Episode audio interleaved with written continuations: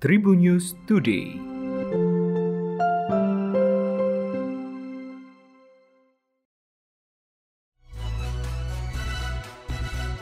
Tribuners, saya Delta Gonzales kembali lagi menemani Anda dalam Tribun News Today. Kita awali dari berita nasional.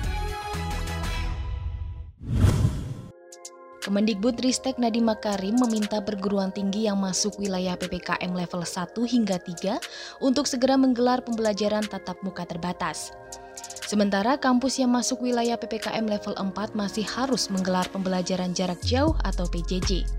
Meski begitu, Nadiem meminta agar para mahasiswa yang mengikuti PTM terbatas untuk komitmen dalam menjaga protokol kesehatan. Keberhasilan PTM terbatas, kata Nadim, tergantung pada penerapan protokol kesehatan.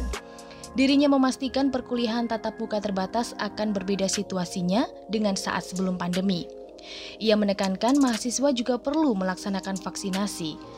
Nadiem menambahkan bentuk kedisiplinan dalam pelaksanaan kuliah tatap muka atau pembelajaran tatap muka atau PTM terbatas juga mencakup penyebaran informasi yang benar terkait COVID-19 dan pelaksanaan PTM terbatas.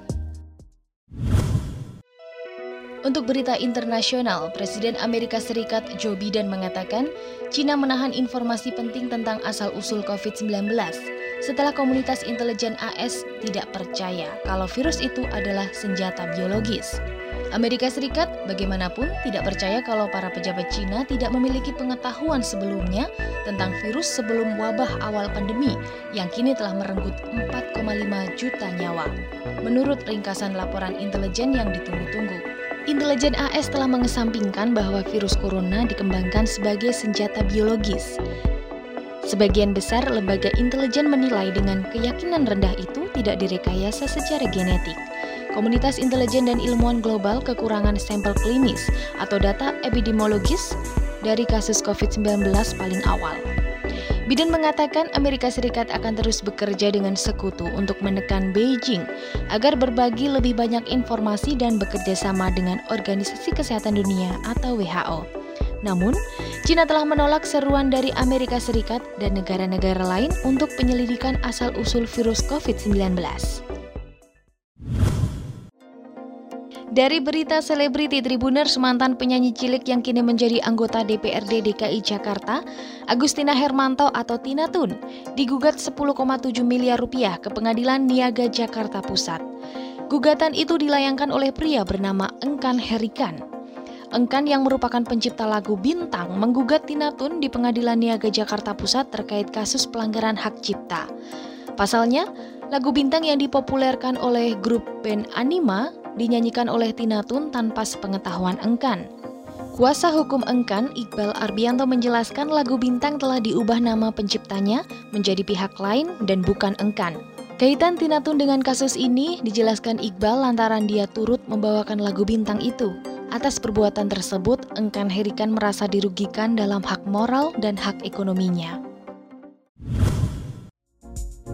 Misi Juventus untuk meraih kemenangan perdana kembali gagal tercipta pada pekan kedua Liga Italia Minggu 29 Agustus dini hari. Juventus secara mengejutkan malah terjungkal saat menjamu Empoli di Allianz Stadium Turin. Gol tunggal Mancuso membuat Juventus harus mengakui keunggulan Empoli dengan skor satu gol tanpa balas. Tim asuhan Massimiliano Allegri harus kehilangan poin pertamanya di musim ini tepat sehari setelah ditinggal Cristiano Ronaldo. Tanpa hadirnya Cristiano Ronaldo, Allegri harus membiasakan Juventus bermain kolektif tanpa boleh bergantung pada satu individu saja. Kepergian Ronaldo harus membuat Juventus bisa semakin solid dan bersatu dalam bermain di atas lapangan. Allegri berharap kegagalan Juventus mendulang poin penuh pada laga 2 tersebut harus dijadikan pembelajaran untuk terus berkembang. Demikian Tribun News Today, saya Delta Gonzales. Sampai jumpa. Tribun News Today.